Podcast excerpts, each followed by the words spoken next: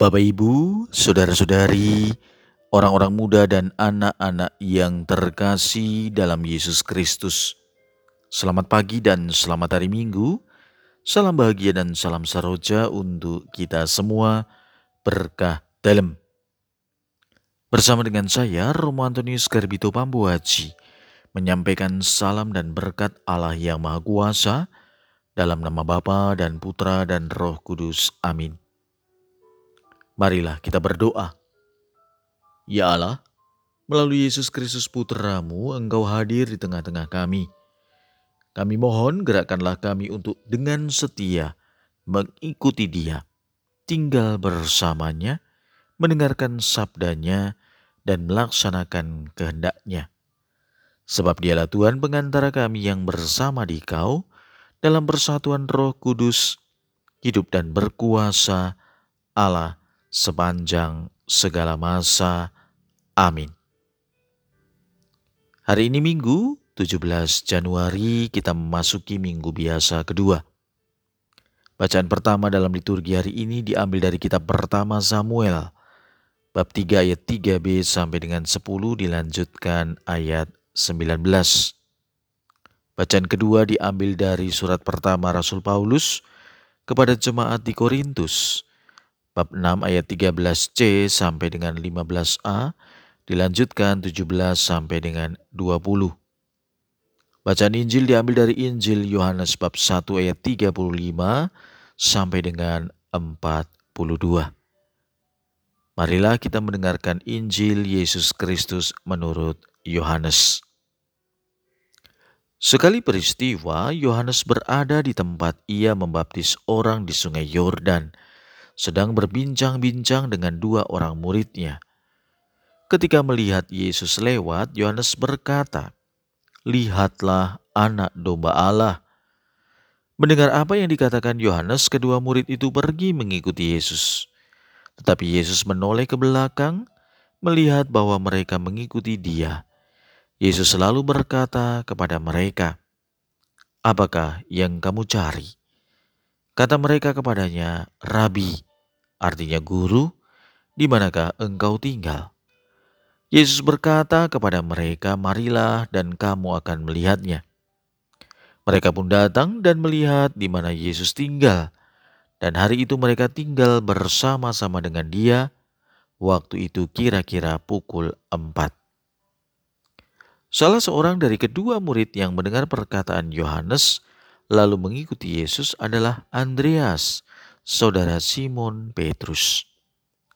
Andreas mula-mula bertemu dengan Simon, saudaranya, dan ia berkata kepadanya, "Kami telah menemukan Mesias, artinya Kristus." Lalu Andreas membawa Simon kepada Yesus. Yesus memandang dia dan berkata, "Engkaulah Simon, anak Yohanes. Engkau akan dinamakan Kefas, artinya Petrus." Demikianlah sabda Tuhan, terpujilah Kristus. Saudara-saudari yang dikasih Tuhan, permenungan kita pada hari ini, saya ajak saudara-saudari untuk merenungkan apa yang menjadi kalimat doa pembuka hari ini. Engkau hadir di tengah-tengah kami, kami mohon, gerakkanlah kami untuk dengan setia mengikuti Dia, tinggal bersamanya, mendengarkan sabdanya, dan melaksanakan kehendaknya. Jadi Bapak Ibu, Saudara-saudari yang terkasih, dalam kehidupan kita sehari-hari kita harus senantiasa menghadirkan Tuhan Yesus di tengah-tengah kehidupan kita. Kita harus senantiasa mengajak Yesus ikut campur dalam kehidupan kita. Kita harus senantiasa menghadirkan Tuhan Yesus agar Ia senantiasa ada bersama-sama dalam langkah hidup kita. Untuk apa? Untuk empat hal. Pertama, menggerakkan kita untuk dengan setia menjadi pengikut Dia. Kemudian, ketika kita sudah menjadi setia mengikuti Tuhan Yesus, kita diajak untuk tinggal bersama dengan Tuhan Yesus. Bagaimana mengikuti Dia dan bagaimana tinggal bersama dengan Dia? Mengikuti Dia berarti komitmen dan keputusan kita untuk menjadi orang Katolik harus terus kita pegang. Tinggal bersamanya artinya sabda Tuhan menjadi makanan bagi kita dalam kehidupan kita. Karena dengan demikian kita akan tinggal bersama dengan Dia. Begitu juga dengan yang ketiga, mendengarkan sabdanya. Berarti Sabda Tuhan sungguh-sungguh harus menjadi santapan rohani bagi kita. Bagaimana kita dapat menyantap dan mendengarkan sabda Tuhan? Lewat kitab suci yang senantiasa setiap hari kita baca, lewat permenungan-permenungan, juga lewat ekaristi di mana kita menyambut tubuh dan darah Kristus dan juga menyambut sabdanya. Dan yang keempat, yang juga penting adalah melaksanakan kehendaknya. Kita mengikuti dia, kita tinggal bersama dengan dia, kita juga mendengarkan sabdanya.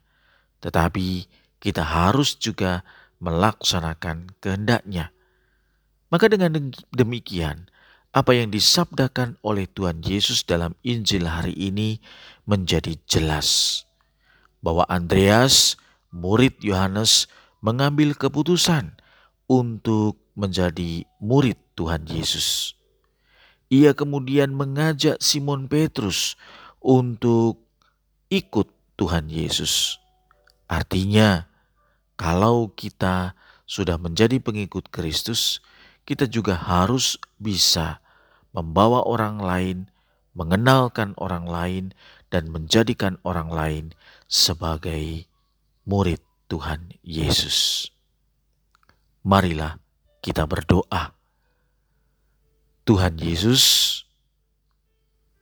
semoga tubuh Kristus dan sabdamu yang telah kami sambut mendorong dan memberikan keberanian kepada kami untuk mewartakan putramu, sehingga semakin banyak orang mengenal dan mengimaninya sebab dialah satu-satunya jaminan keselamatan abadi yang kami harapkan kini dan sepanjang masa. Berkat Allah yang Maha Kuasa, dalam nama Bapa dan Putra dan Roh Kudus. Amin.